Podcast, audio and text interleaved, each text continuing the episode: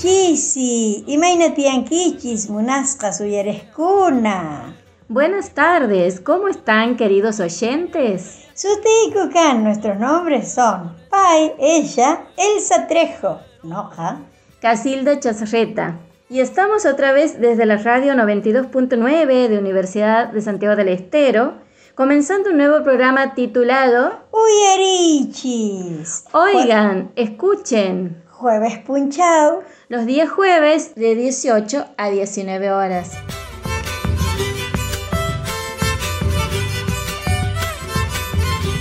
Dejar un rastro en la vida son pretensiones del hombre, si no ha logrado que su nombre quede en el tiempo grabado, porque solo ha edificado rancho de paja y adobe.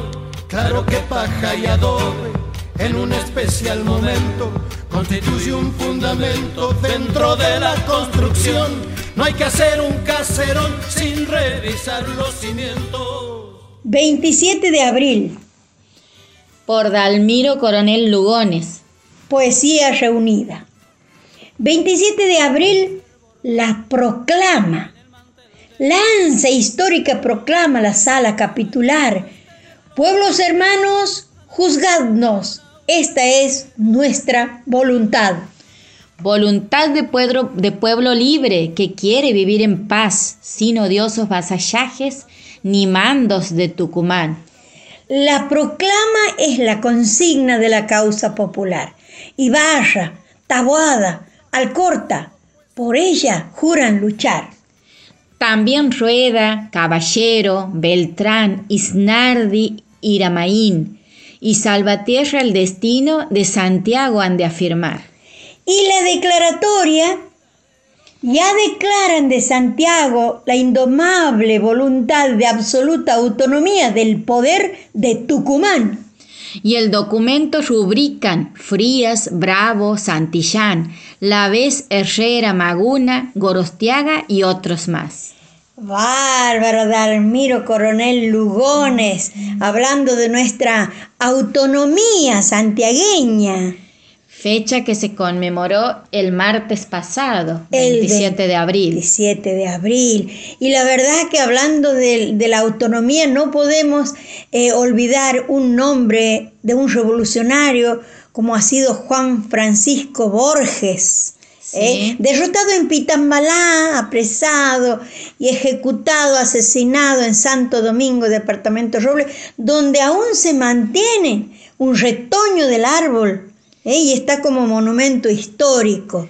¿no? Entonces, Borges Y Ibarra. Juan Felipe Ibarra, oriundo de Matará, Saladino o Chalaco, mejor dicho, ¿no? Xalac de tierra Xalaca. Por detrás de quienes se embandena- embanderaron muchísimos campesinos, ¿no? Claro, y claro. también esclavos de aquel tiempo, ¿no? De aquellos momentos. Y mujeres seguramente. Sí, sí, por supuesto. Pero además, o sea, las mujeres eh, indispensables para ayudar, para, Para ayudar a los varones, a sus hombres, ¿ah?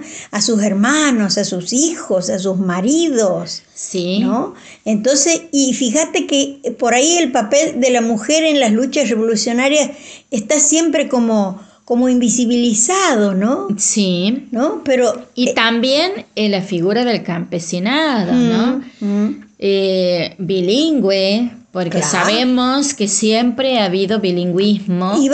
De- quichuista, desde claro. eh, aquellos tiempos. Mm, Entonces, eh, tenemos que reconocer a toda esta masa, a todo este grupo colectivo que ha hecho posible la autonomía, ¿no? Así es. y así tenemos es. que reconocer no solo las figuras preponderantes, sino también a todos aquellos que ha- se han alistado, Y esos que han han ido- acompañado. Y han ido sí. en la primera línea. Seguro. Y han muerto. Sí. También, ¿no? Entonces, sí. el pueblo siempre es el que responde con este sentimiento patriótico, ¿no? En este tipo de, de circunstancias. que necesitan un líder, un liderazgo eh, Claro. por supuesto, Mm, mm. no firme Mm. y con una conducción que este, sume gente. Y aquí lo tenemos, ¿no? En la figura de Juan Felipe Ibarra, y de, como señalaste, Juan Francisco Borges. Claro, entre los otros. Entre otros que han sido nombrados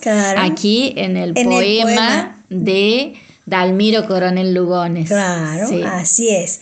Bueno, bueno, ¿te parece que vamos a un tema musical? Sí, vamos a escuchar música referida a Santiago del Estero mm. para la celebración de esta fecha tan especial. Ay, bueno, claro, porque la autonomía, profe Elsa, también tiene que ver en lo personal, ¿no? Y esto yo he quedado pensando, porque está bien la autonomía, ¿no es cierto?, de nuestra, de nuestra patria chica, diríamos, pero también pensar el término en relación a las personas, ¿no? Sí. Autónomos, libres, responsables. Hoy, justamente en estos tiempos, que nos tiene que, levantar más esto de la responsabilidad en el cuidado de la salud, como estamos viviendo esta situación también, ¿no? Sí. Y sobre todo reconocer que Santiago a partir de allí ha tenido un camino que mantiene ¿no? una, presencia en el concierto nacional. Así es. ¿no? Por supuesto, con algunas cuestiones que tienen que eh, asumirse como demandas mm. no cumplidas, ¿no? En especial siempre debemos recordar, eh, bueno, que falta todavía una política lingüística clara que dé lugar ¿no? a la revitalización de la lengua. De la lengua quichua, claro, como enseñanza, en, las escuelas. en los distintos niveles del sistema. Así, así son demandas incumplidas que eh, siempre vamos a estar señalando. ¿no? Así es, y, reclamando y tratando de y reconocer que el quichua es un idioma más y que está presente y que eso no, eh, más que achicarnos nos debe engrandecer a todos. Claro, como decía Bravo, todos, todas y todas. Convertir el, la vergüenza en orgullo. Por supuesto. Bien, vamos a un corte entonces. Dale, dale.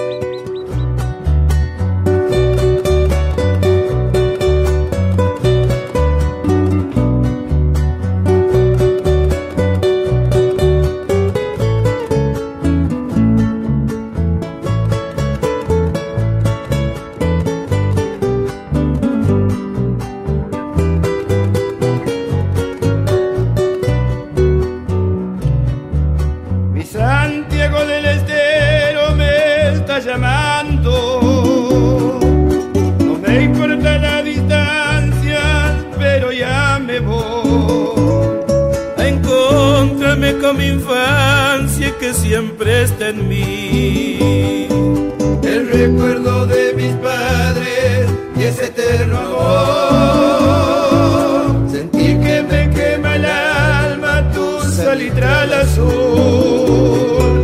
Correr como cuando chango por el monte aquel. Besar tu luna tan bella que siempre está en mí mis amigos como si fuera ayer. Santiago me está llamando y para allá me voy. No me importa la distancia, pero llegaré. Besar el río y el Cristo con el corazón. Gritar a los cuatro vientos, santiagueños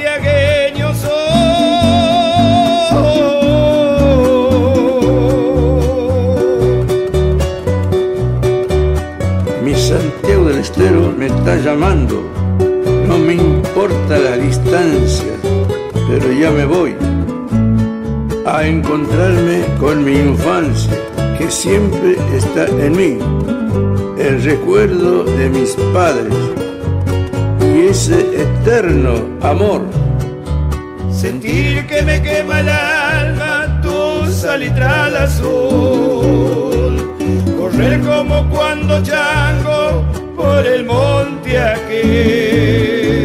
Besar tu luna tan bella que siempre está en mí. Y abrazarme a mis amigos como si fuera ayer. Santiago me está llamando y para allá me voy. No me importa la distancia, pero llegaré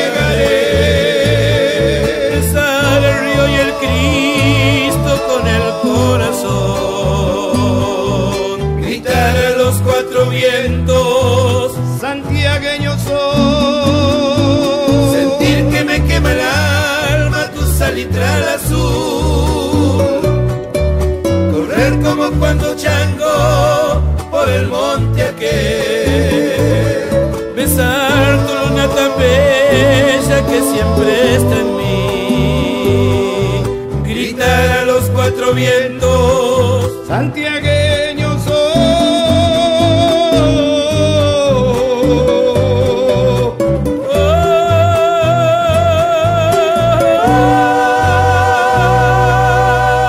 Estamos volviendo del corte. Eh, claro, de Uyarichis. De oigan, escuchen. Claro, ahí más mana. Sí, y te cuento que eh, tenemos la habitual entrevista, en este caso referente a la fecha, ¿no? Claro, porque justo estamos este, nosotros también haciendo referencia a nuestra autonomía provincial, Sí, aquella a los sucede- 201 años. Sí, ¿no? sí, de 1820, el Claro. año pasado, se Claro. cumplían 200 años. Y que estaba, venían preparados unos tremendos homenajes y bueno, no se ha podido hacer, ni este año tampoco. Claro, porque continuamos con la pandemia, ¿no? Con el Claro, pero de pandemia. tenemos en el Sonco ese sentido ¿no? Sí, de, de au- de provincia autónoma. Sí, que ya hemos rememorado en el bloque anterior.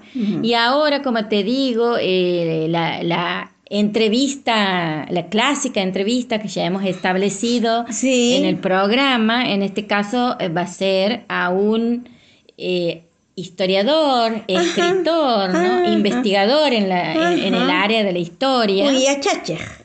Claro, sí, eh, se trata de Héctor Peralta Puy. Ajá, que está presentando hace poquitos días. Un libro. Sí, sí, he visto. Sí, leído último libro. Sí, sí, sí.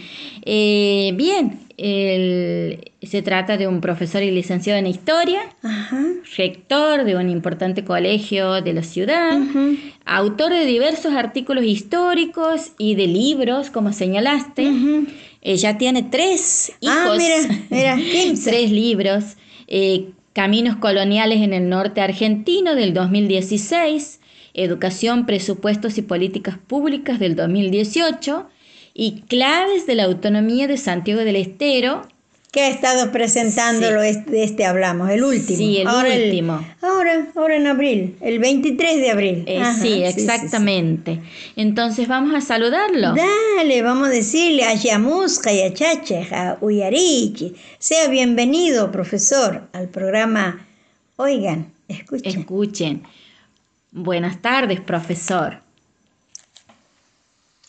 Hola Elsa, ¿cómo estás? Espero que estés bien. Gracias por, por la invitación y también hago extensivo el saludo a, a todas las personas que te están acompañando ahí en la parte técnica y también a todas las personas que nos están escuchando.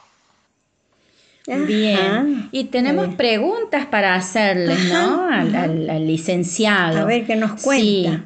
Y la primera pregunta, Claro, que le decimos que nos cuente, ¿no? sí. Que nos cuente sobre aspectos de la historia provincial, o sea, ¿qué, qué aborde desde su libro? Exactamente, sí. Interesante saber sobre de qué trata su libro. Claro. El libro aborda diferentes, este, diferentes aspectos, Elsa. La verdad que lo hemos querido elaborar desde lo más amplio en cuanto a la construcción histórica se refiere para tratar de hacer una, una historia abarcativa, una historia general, una historia en la que podamos contar no solamente este, las, las peripecias históricas en cuanto a la parte política, que es lo que a nosotros nos podría este, llevar, digamos, ese pensamiento al ver el título de lo que significa ¿no? la autonomía, pero no solamente es político, sino también es, es fuertemente abordado desde los aspectos sociales, desde los aspectos económicos, desde los aspectos militares, regionales y demás. Entonces, este, los aspectos en los que nosotros hemos hecho hincapié al, al- al realizar este, la, la elaboración del libro a través de nuevas documentaciones, no solamente encontradas aquí en el archivo histórico de la provincia, sino también en los archivos históricos de Salta, de Tucumán, de Córdoba, en el archivo del Colegio Montserrat, ahí de la ciudad también mencionada, en el Archivo General de la Nación, en la Biblioteca Nacional y en tantos otros repositorios que hemos recorrido desde el año 2018 en adelante. Eh, nos han servido para hacer esto que te he mencionado anteriormente, una historia totalizadora, si se podría decir la palabra, sobre la autonomía.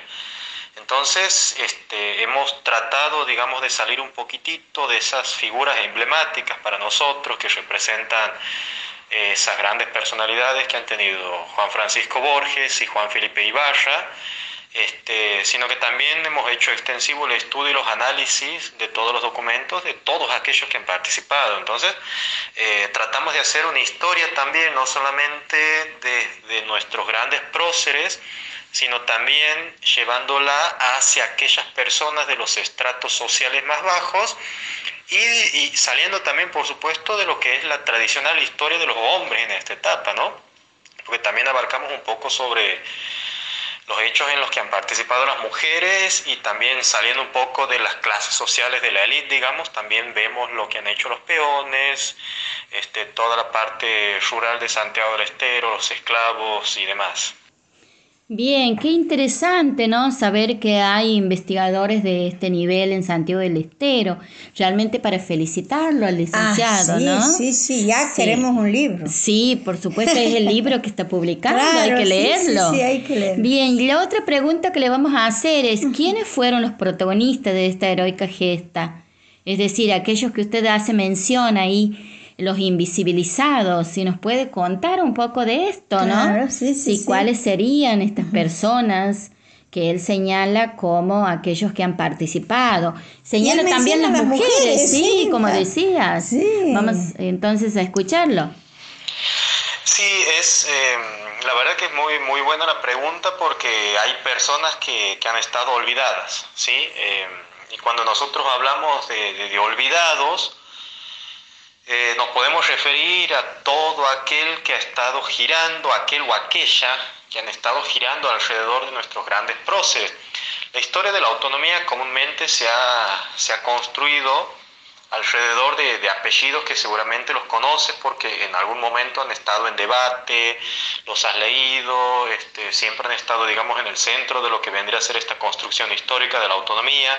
Ya te he mencionado Ibarra y a Borges, pero podemos seguir, por supuesto, la lista es larga, los Alcorta, los Frías, los Iramaín, los Gorostiaga, los Palacio, los Tabuada, pero cabe hacernos la pregunta también, eh, eh, ¿Quiénes son las personas que han estado alrededor de estos grandes apellidos de Santiago del Estero? ¿Acaso no había estratos sociales bajos participando? ¿Acaso no había también mujeres? Entonces, esto nos lleva a nosotros a indagar en esos documentos y a formular nuevas preguntas en, las cuales, este, bueno, surge generalmente entonces esta respuesta para lo que vos estás diciendo como esa palabra los olvidados. ¿Y quiénes serían los olvidados? Entonces, en este caso los tenemos a los esclavos.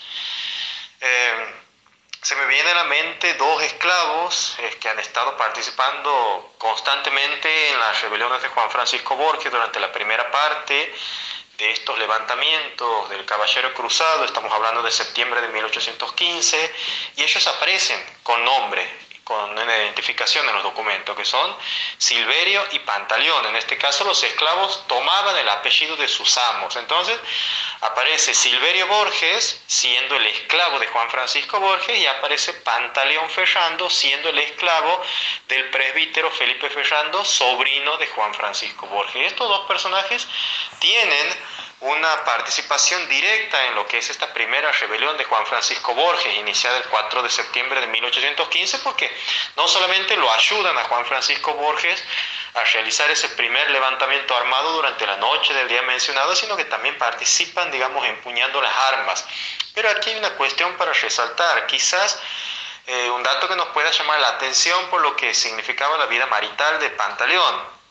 En este caso, cuando se estaba por desarrollar minutos antes la histórica batalla del 8 de septiembre de 1815 en la actual Plaza Libertad entre los hombres de Juan Francisco Borges y los del coronel Juan Francisco Lobo, llegado desde Tucumán por orden de Bernabé Arán para reprimir justamente este levantamiento de Borges.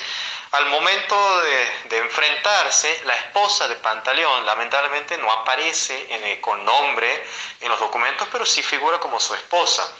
Este, la, esposa de Pantaleón va hasta, la Plaza Libertad y lo termina convenciendo a su marido para, para, ir nuevamente hasta su hogar. Entonces Pantaleón no participa en esta batalla del 8 de septiembre, sí lo hace Silverio. Igualmente, este, tanto Silverio como Pantaleón, ambos caen presos porque luego de la finalización de esta batalla, en ese 8 de septiembre, el día 9, los soldados tucumanos han andado recorriendo la, la, ciudad y los alrededores buscando a los que han participado en esta rebelión. Entonces no solamente cae preso Juan Francisco Borges, sino también este, el presbítero Ferrando, cae preso también Pantaleón, eh, Silverio y demás, y son trasladados a Tucumán para ser enjuiciados. Esto es una parte de lo que nosotros podemos considerar como aquellos olvidados. Las otras personas olvidadas son las mujeres. En las documentaciones que se han este, encontrado para el periodo de 1816, 1819, 1820, en donde ya estábamos en la cuarta etapa del proceso autonomista con claros enfrentamientos políticos entre los dos bandos de la élite, este, los cuales se enfrentaban los separatistas y los gubernativos, aparecen mujeres en los documentos este, participando como testigos de los hechos este, y narrando lo que ellas habían visto, no solamente en lo que vendrían a ser esas peripecias o enfrentamientos políticos y armados de las calles, sino también participando de manera directa o indirecta, ¿no? Volvamos un poco para atrás y en este caso durante la primera sublevación de Juan Francisco Borges aparece Gabriela Suaznavar, una persona que mientras se producían los movimientos de los hombres armados de Borges durante el 4 de septiembre, ella ha sido testigo de todo esto y ella, este, y, esa, y esa versión, digamos, ha sido expresada este, a un hombre que después la ha volcado en los documentos cuando ya este, las actas y fojas judiciales estaban labrando con los testigos, ¿no? Entonces, aquí tenemos una persona, una olvidada, una mujer, que es Gabriela Soanávar presenciando estos hechos. Y después tenemos a Inocencia, a Francisca, otras mujeres también que participan en los procesos judiciales de 1819 en, en plenas pugnas, digamos, por eh, conquistar el poder del cabildo y de la Junta Electoral. Entonces, si hablamos de olvidados, hablamos de mujeres, eh, los estratos sociales altos y bajos, de los esclavos como aquellos representantes de las clases populares, pero me gustaría referirme especialmente a lo que siempre han estado olvidados para nosotros, pero que tienen una función militar muy importante, en este caso en el 31 de marzo de 1820, cuando Ibarra se enfrenta a las huestes de Chauri durante esa mañana en los alrededores del convento de Santo Domingo y termina con la victoria de las armas santegueñas, ¿no? Siempre se habla de esos soldados, de esos blandengues de avipones, de esas personas que han venido con Ibarra desde el, histórico Fortín que quedaba al sur de la jurisdicción santigueña y se han enfrentado aquí con los tucumanos. Pero ¿quiénes eran? ¿Acaso tenían nombre, tenían un apellido? Eran personas que nosotros lo identificamos como las clases o este, los estratos sociales que pertenecían a la parte baja de la ruralidad. Y efectivamente tienen nombre y apellido. Lo encontramos en un documento de 1817 cuando Ibarra hace, este, o cuando crea, mejor dicho, este cuerpo armado permanente, entrenado y uniformado del Fortín de Avipones, porque también hay que sacarnos de la cabeza el hecho de que los santegueños al mando de Ibarra estaban armados con lanzas, con palos. La verdad que el entrenamiento que han recibido por parte de Ibarra, un hombre condecorado en múltiples oportunidades en el ejército del norte, nos hace dejar también esta versión largamente difundida en la historia tradicional u oral santegueña. ¿no? Estos blandengues de avipones entonces que se han enfrentado con el Chauri en el histórico 31 de marzo tienen nombre y apellido. Algunos de ellos, te paso lista, digamos, de algunos de los que, este, bueno, tengo aquí a la vista, Eustaquio Roldán, José Chávez, José María Flores, Agustín Jerez, Bernabé Leguizamón, Manuel Godoy, Ramón Rodríguez, Fernando Ledesma, en fin, son 50 los blandengues que se han enfrentado con los tucumanos en esa oportunidad. Y es lindo rescatarlos, es lindo conocerlos, porque el hecho de que podamos conocerlos em, leer lo que han hecho en cuanto a funciones y demás, saber sus identificaciones con nombre y apellido me parece que les hace un poco de justicia lo que han hecho todas estas personas, soldados, mujeres, esclavos y demás. Por eso, esa palabrita que vos mencionabas al inicio de la pregunta, eh, en cuanto a los olvidados, me parece que son estos. Hay mucho más en el libro, pero yo rescato especialmente estos en este momento. En cuanto al quichua, sabemos que Santiago del Estero, en la parte del río Salado, tenía una, preeminencia importante el uso todavía de este idioma, ¿no? Sin ir más lejos, unos años después, eh, aquellas personas que se caracterizaban por hablar muy bien el quichua han sido Antonino Tawada y Absalón Ibarra. Eh, por lo tanto, está mal que uno haga suposiciones en este aspecto, pero Juan Felipe Ibarra, nacido y criado en Matará, eh, habiendo tenido después un paso fugaz por el Colegio de Montserrat y después haber vuelto a su, a su tierra natal para hacerse cargo de la estancia familiar y liderar a los peones y en los trabajos y demás y en el cuidado también de la frontera del Salado, eh, nuevamente reitero, estaría mal la suposición en el aspecto científico histórico, pero por el hecho de que Juan Felipe Ibarra ha tenido una crianza durante bueno, su, infancia, su adolescencia y demás en las tierras de Matará, quizás nos hace pensar de que conocía, por supuesto, el quichua y habría que suponer también si lo hablaba o no. Por supuesto, estas son suposiciones que están lejos de los análisis de los documentos, porque lamentablemente no he podido encontrar algún registro escrito de la época, manifestado, digamos, por los propios actores sociales de que Juan Felipe Ibarra era quicho hablante, pero si nos podemos analizar, puede ser que sí, la verdad que no sabemos con certeza y exactitud, pero bueno, todo nos llevaría a pensar de que efectivamente hubiera sido así. Igualmente, este, el registro del quichua durante esos momentos este, existen, incluso más adelante también en lo que vendría a ser la forma de escolarización durante las primeras instituciones educativas inauguradas en la zona, en la zona del río Salado a lo largo. Este, por los Tahuada, eh, los niños hablaban el quichua y los maestros dejan asentado en, en esos documentos, informes enviados aquí al gobierno de Santiago del Estero y a la Junta Central y los sucesivos organismos que se han ido creando, ¿no? Pero, pero bueno, el quichua ha sido algo importante para la época, en el siglo XIX ha estado presente en muchas documentaciones, pero lamentablemente no he podido encontrar alguna, digamos, que, que lo manifieste Juan Felipe Ibarra como un quicho hablante o algunas otras personas que han participado en la gesta de la autonomía. Qué bueno ese informe final. Vos le, le planteaba esta claro, respuesta. Así fuera, del, fuera de, de, la entrevista en sí, sí habíamos sí. conversado con el profesor sí, acerca del quicho y él me había comentado Mira, ya esto. Y la verdad que tienes razón, porque uno que piensa, uno que ha nacido en el monte, este, y como diríamos, es imposible que, que, no manejen la lengua porque ha sido la lengua materna, que no. Por supuesto. Entonces está muy bien, aun cuando él lo diga, no hay algo documento que certifique, pero, pero nos hace pensar. Claro. Habría que seguir también investigando. este lugar que le daba el sistema educativo a las lenguas en ese tiempo, nativas, claro, ¿no? claro, en, en ese tiempo, tiempo este, acordate que el, el quicho ha tenido un tiempos de esplendor sí. aquí. ¿eh? Sí. Después ha sido cuando, bueno, pero este, la verdad que es muy interesante la, sí, la entrevista del Iachacha Puy, Peralta sí, Puy. Peralta Puy, a quien agradecemos muy Seguro. especialmente por esta información brindada uh -huh. y porque respondió de manera amable a nuestro requerimiento. Claro, y un reconocimiento también por, por estar por trabajando. Su claro, sí, sí. estar trabajando y estar aportando a la historia santegueña a partir de los libros que, que va escribiendo. Así y que felicitaciones. Lo, sí, sí, felicitaciones. Corresponde que se ha tomado en cuenta en las instituciones escolares, ¿no? Como un autor Seguro. que escribe desde aquí. Claro, porque además es un yachacha de historia. Sí, digamos, sí, ¿no? sí. Así bien. que. Bien. ¿Vamos a un corte? Bueno, vamos.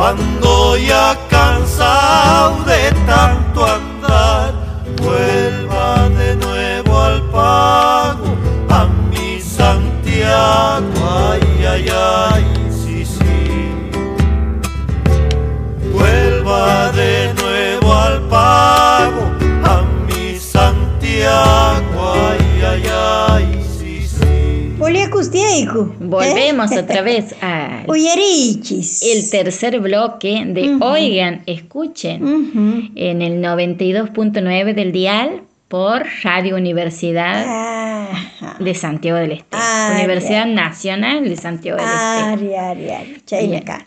Y- Y bueno, y también tenemos esta fecha que a nosotros nos gusta recordar, ¿no? De las efemérides. hoy, hoy el Día Claro, del Animal. Día del animal, claro.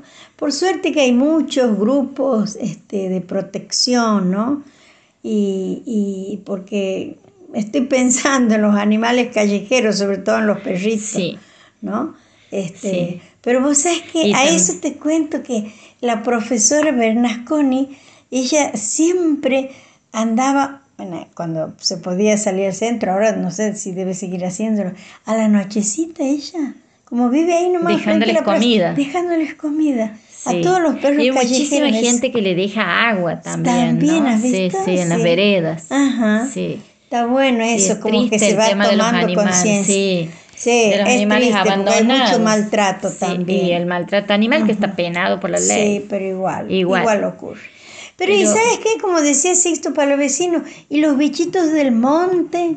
Sí, Ah, no, y el quichua y los animales. Los Tenemos nombran. la designación En ¿no? quichua. en quichua y que se la usa Tal cual, porque cuántas veces no escuchamos Mishi, Claro, ¿no? ¿y qué cuando se que lo le- corre al gato de la casa, Ajá. o cuando escuchamos Cuchi, ¿no? Claro, sí. Incluso hay un lugar que se llama Cuchi Armacuna, Claro, un lugar, en el donde- interior. Donde se, baña, donde se, Donde se bañan bañan los cerdos, donde se bañaban los cerdos, ¿no? Sí, sí. Eh, Y ese, ese silencioso ahí, calladito, que anda y camina despacito.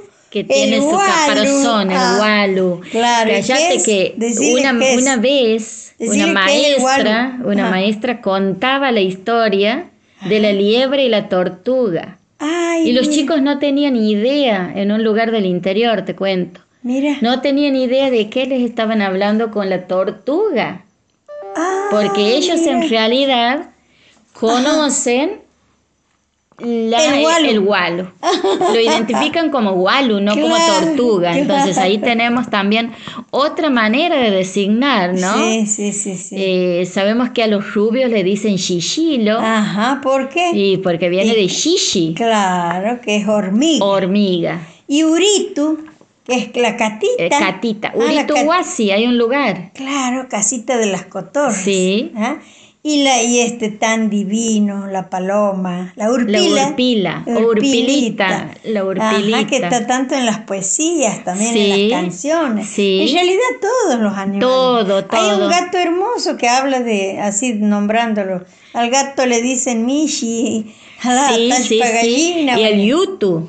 El El, yutu, que es la tortuga. El- perdón, el- el- el- es la, perdiz. La perdiz, la Y perdiz. yutu es porque no tiene cola. Ah, mira, es No por eso. cola, claro, y la famosa tashpa. Y escucha sobre el yutu. Atashpa, ¿qué Atashpa la gallina. La gallina. Escucha, pero sobre el yutu, volviendo, hay una pandorga que hacen volar los chicos. Sí. Se llama yutu, porque Ah, no mira, tiene porque cola. no tiene cola. Pero vuela igual con el viento, como lo hacen con cañita y papel. Ajá. Entonces, ajá, y bueno, y después, ay, qué rico esto para comer, con, con salsita, limón, la chayua, el El pescado. pescado. Claro. Por eso le dicen chayeros a los pescadores, a los ¿no? pescadores, sí, sí. Después tenemos los, los armadillos. sí, Ah, el pichi. el pichi, el, el pichibola, el pichibola. el quirquinchu. Y la ¿no? carampuca. Ay, sí. Caran, pero que no es de, de, de cara rostro, No, sino no, de cara, cuero. Cuero, cuero colorado. Claro, ¿qué es? La iguana. La iguana, la iguana colorada. Ajá. Eh, tenemos también Machajuay, que es la víbora. Machajuay. Y en el Chaco hay una localidad que es Machajuay. Claro, que sí. Sí. Y aquí Y aquí también, y Guanchina. ¿Qué significa Machajuay Eso, Guanchina? Machajo y Guanchina es donde se matan las víboras. Ah, donde se matan Donde las víboras, matan. no es donde se bañan como No, no, que- cerdo. Es este, matar. Matar. Guanchi. Guanchina y la terminación. Claro, na. na es que es que dice eso, que hace la raíz, Ah, bien. ¿no? Ajá. Machajuay. Entonces tenemos el uturungu, Ay, el famoso sí, uturungu. también. Y que lo estamos usando en el libro de Lelia también bastante, ¿no? Al atos, al uturungu. Sería el tigre. Ajá. Atos, el zorro. Ajá. Y mira, la Lelia, los cuantos que ya vamos contando, eh, también referían, que no? Al ato, Al quirquincho. Ajá, al, al pichibolita, ¿te acuerdas? Ajá. También. Y- Así y, que... nos faltaría el animal doméstico, el de la casa, el que está junto a nosotros siempre. El asco. Asco. Y bueno, en, en mi casa hay muchos eh, pájaros. Muchos pisco. Porque fíjate vos que pisco sería pájaro. Ah, ¿ah? mira. Claro. Entonces, este... Y, y, y, y asco, como dice vos, perro. ¿ah? Sí. Así que bueno, De esta manera hemos homenajeado ajá, desde el quichua. a estos seres tan queridos, ¿no? Los sí, animales. Sí, sí, sí, así Sí. es. Y que les tenemos que brindar atención, porque la verdad que vos sientes una cosa, cómo te quieren ellos, los perros, los gatos de tu casa. Sí. Te hacen sentir que te quieren. Sí, por supuesto, Muy reconocen el afecto. Bueno, Bien. ¿vamos a la música? Bueno, vamos a la música. Dale.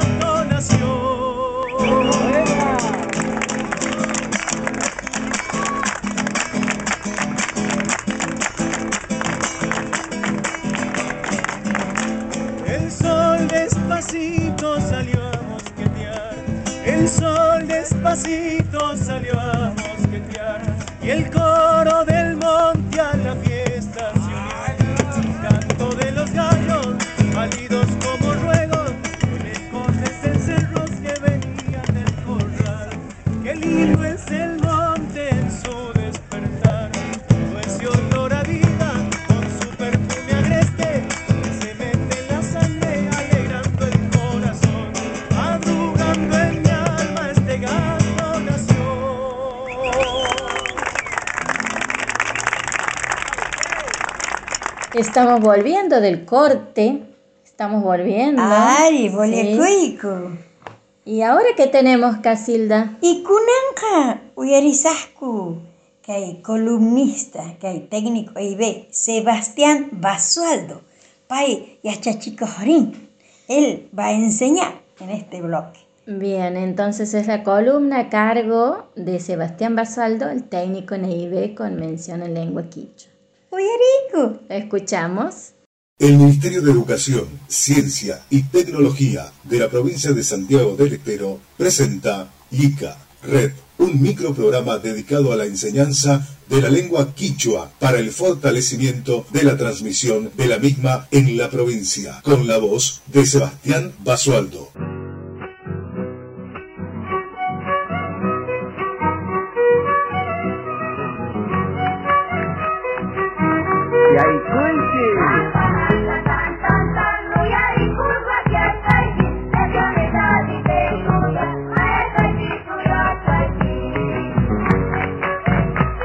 Imayna kutis tinkunakuchkayku kay radiopi. ¿Cómo están niños? Otra vez nos volvemos a encontrar en esta radio. Una vez más con el micro Yika de Quichua estamos llegando a través de las distintas emisoras a los distintos lugares del interior de Santiago del Estero y tratando de que los niños puedan aprender nociones básicas de Quichua.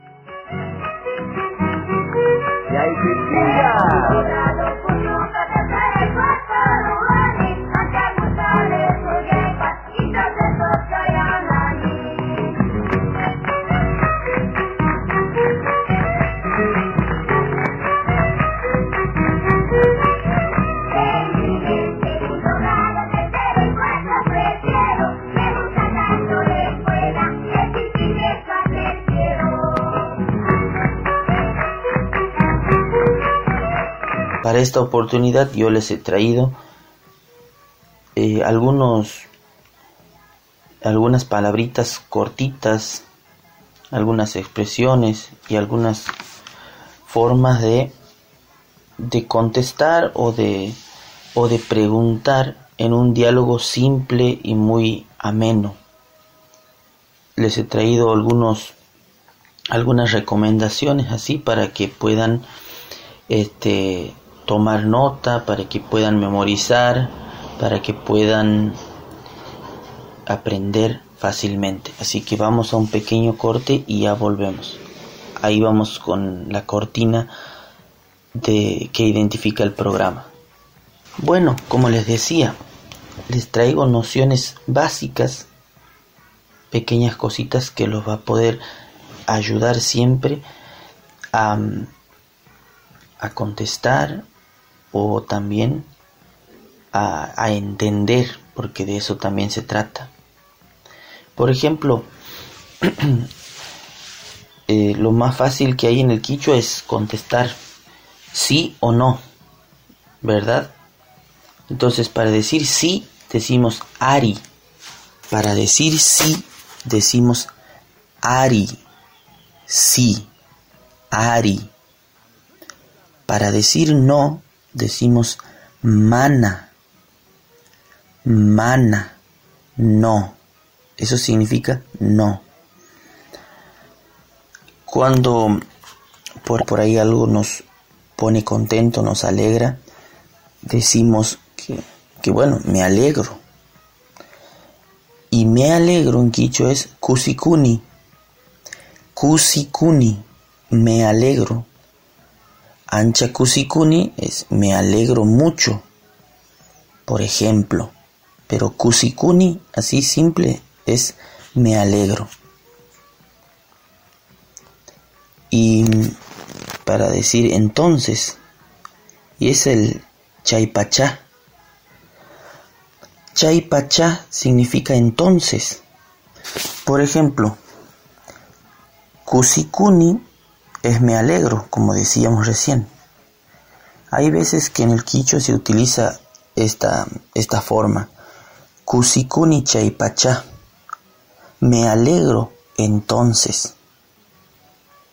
Es como si la persona se quedara conforme sabiendo de que, por ejemplo, la otra persona está bien.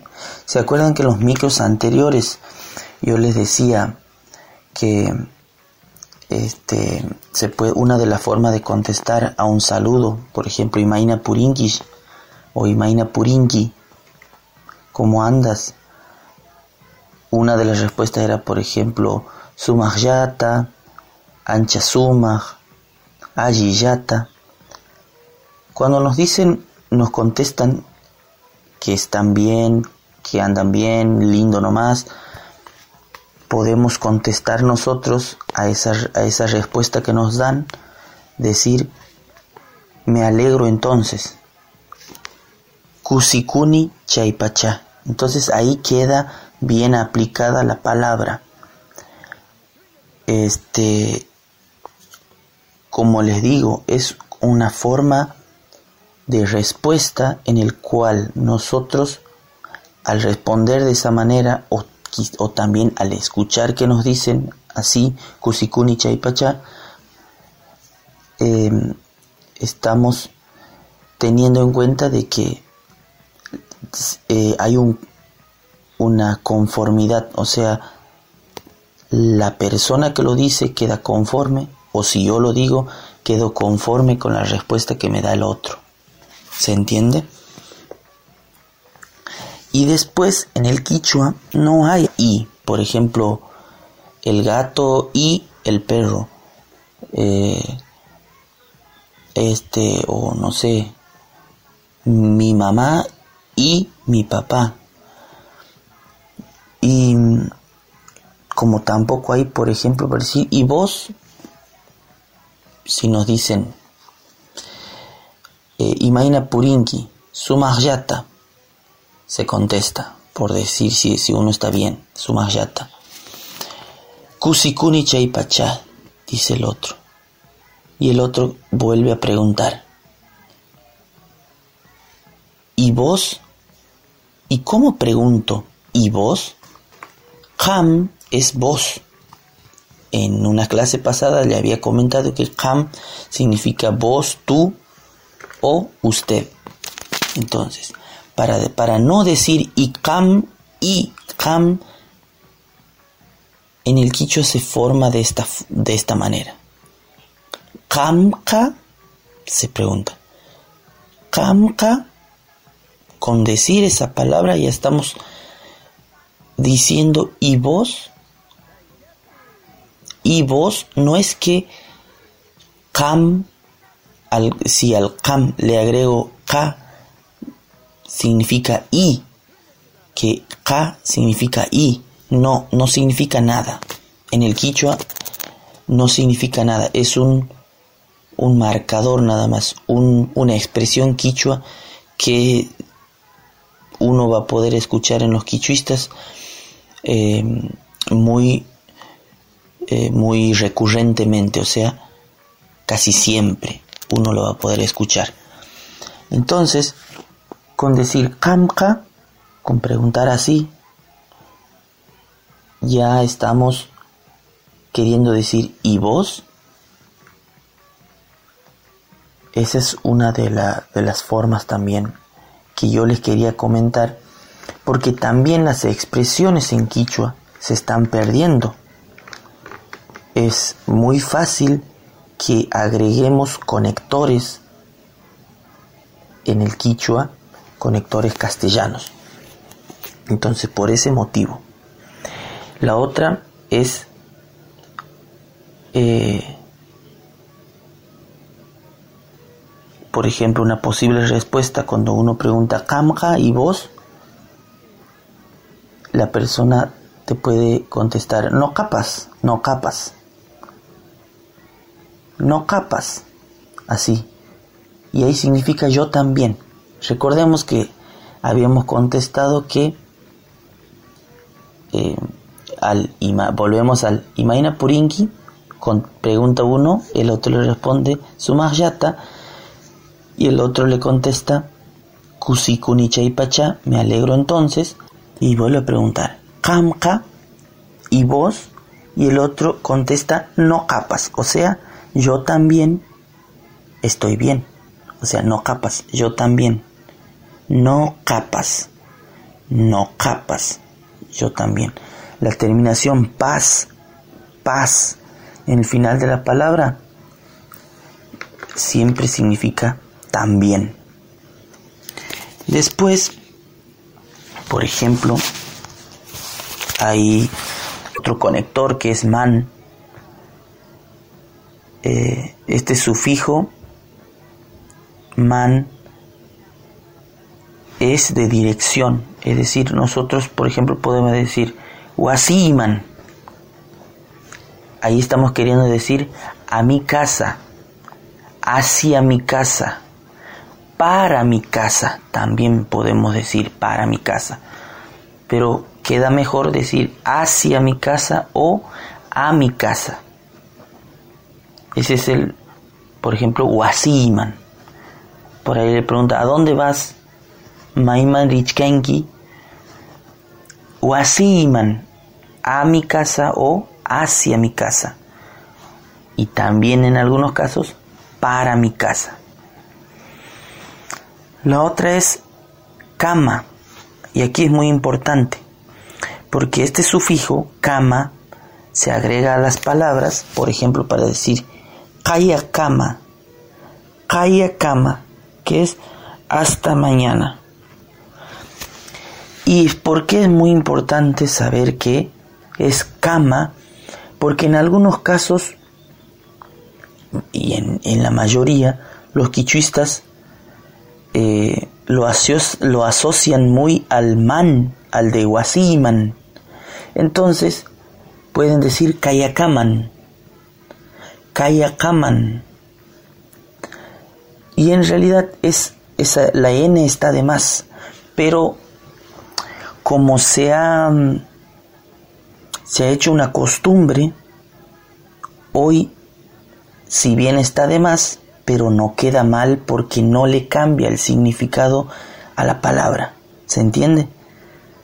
Está mal algo que le cambie el significado a la palabra.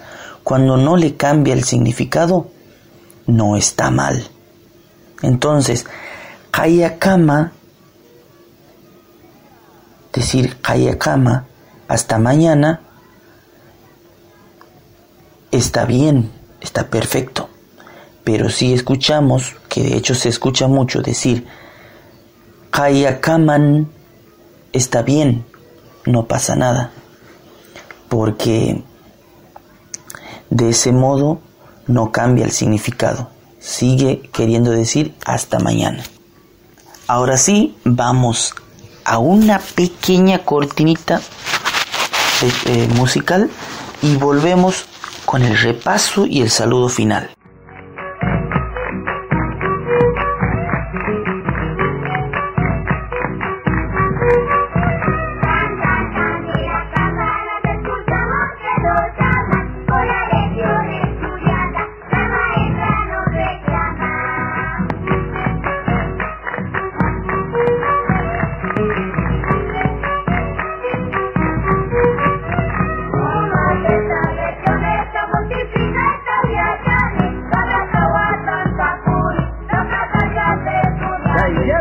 Kuchkaiku.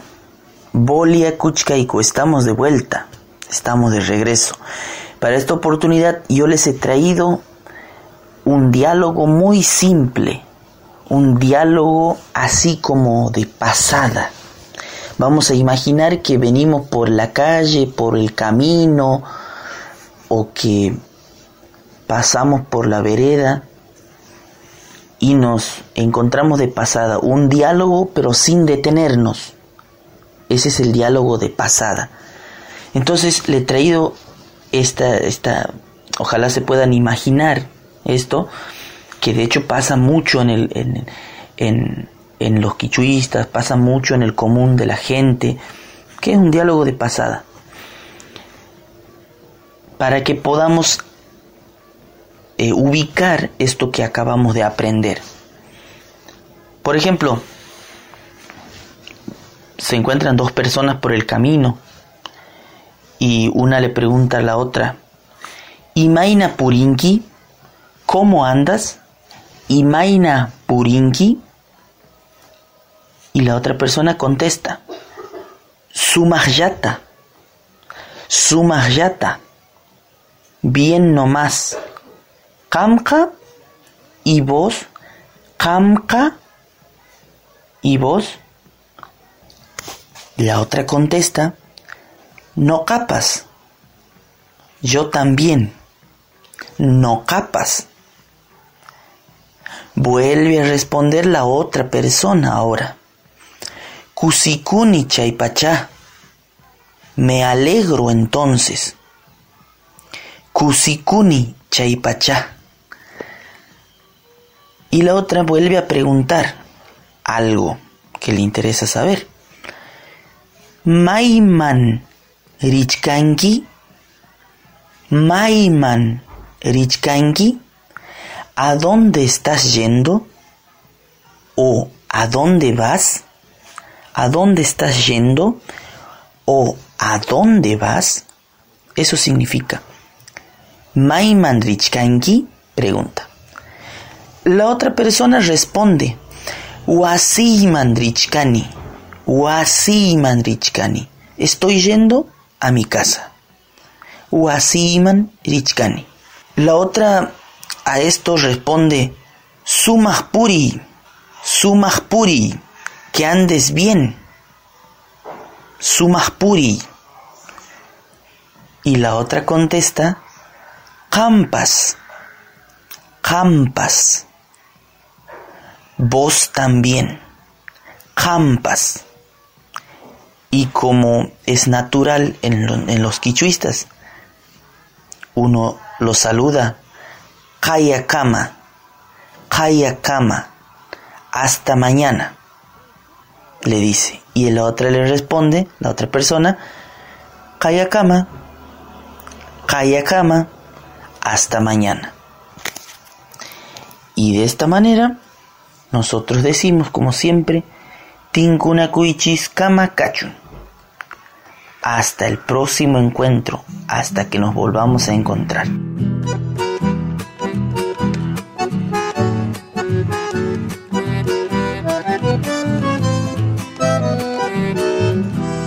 En mi pago a los gatos les llaman Miji. En mi pago a los gatos les llaman Miji. Y a las hormigas rubias les dicen Gigi. Ataspas son las gallinas y cachi los perros chicos. Y los changuitos muy flacos son tus amigos. A los sapos zampatus, cuchilos chanchos. Si ven que te gusta el trago, ya dicen que son machalo. Y si te lavas muy poco, sos un mapalo. Así hablan en mi pago, suma Santiago. Se viene la que falta.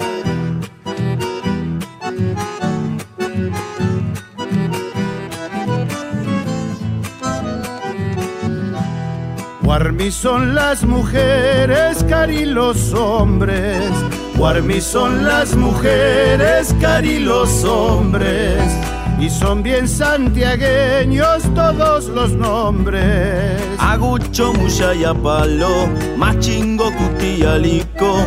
Y si ven que sos metido, sos un chatico. Nos enseñó Don Sixto a ser quichuistas. Decimos tú y al quemarnos, y chuy si nos hace frío, decimos misqui si es dulce. Y profelse en Uyarichis, ¿qué hemos que hemos escuchado. escuchado. Que hemos escuchado. Y mata uyareraiku, diría ahí, que hemos escuchado. Claro, ¿Ah? sí. Y hemos escuchado A los manceros santiagueños, Santiago me está llamando. el dúo Coplanacu, Nostalgias santiagueñas. Rally Barrio Nuevo Gato de la madrugada. y Pedro y Pedro. Gato quichuista. ¡Qué bueno! Bueno. bueno, nos estamos despidiendo, sí, estamos casi llegando al final. Ajá, lo Bueno. vamos a presentar a nuestro profesor que da las, las Sí, lecciones sí. de quichua. Bueno, saludamos. Tucucora. Terminó, llegamos al final del programa, de nuestro programa. Oyerichis. Oigan, escuchen. Jueves Camacachun. Será hasta el próximo jueves de 18 a 19 horas. Adiós. Ah, Ari, Ari. La vida es una doctrina, el mundo entero su templo, y encontrarás con el tiempo tu saber bien madurado. Será cuando has pronunciado la frase justa de ejemplo.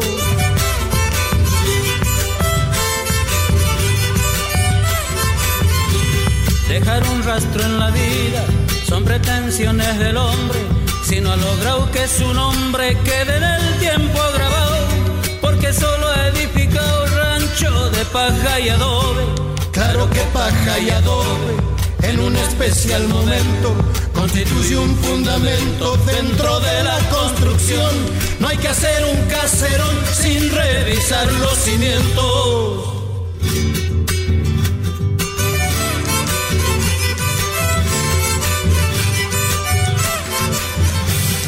Que hacer bordo prolijo en el mantel de la vida, pero no para la estiva y después tenerlo guardado. Amante el almidonado, prefiero aquel con comida.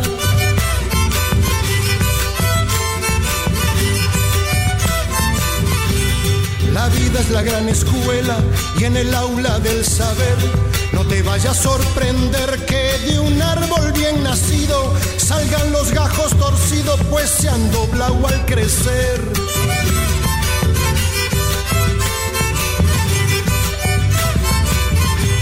No vale la ostentación, la arrogancia desmedida, la razón bien entendida del hombre mejor pensado. Es después que se ha adentrado recién buscar la salida. Tener paz es relativo a pesar de otros criterios. No le busques el remedio porque es terrible este mal. No hallarás la paz total ni en la paz del cementerio.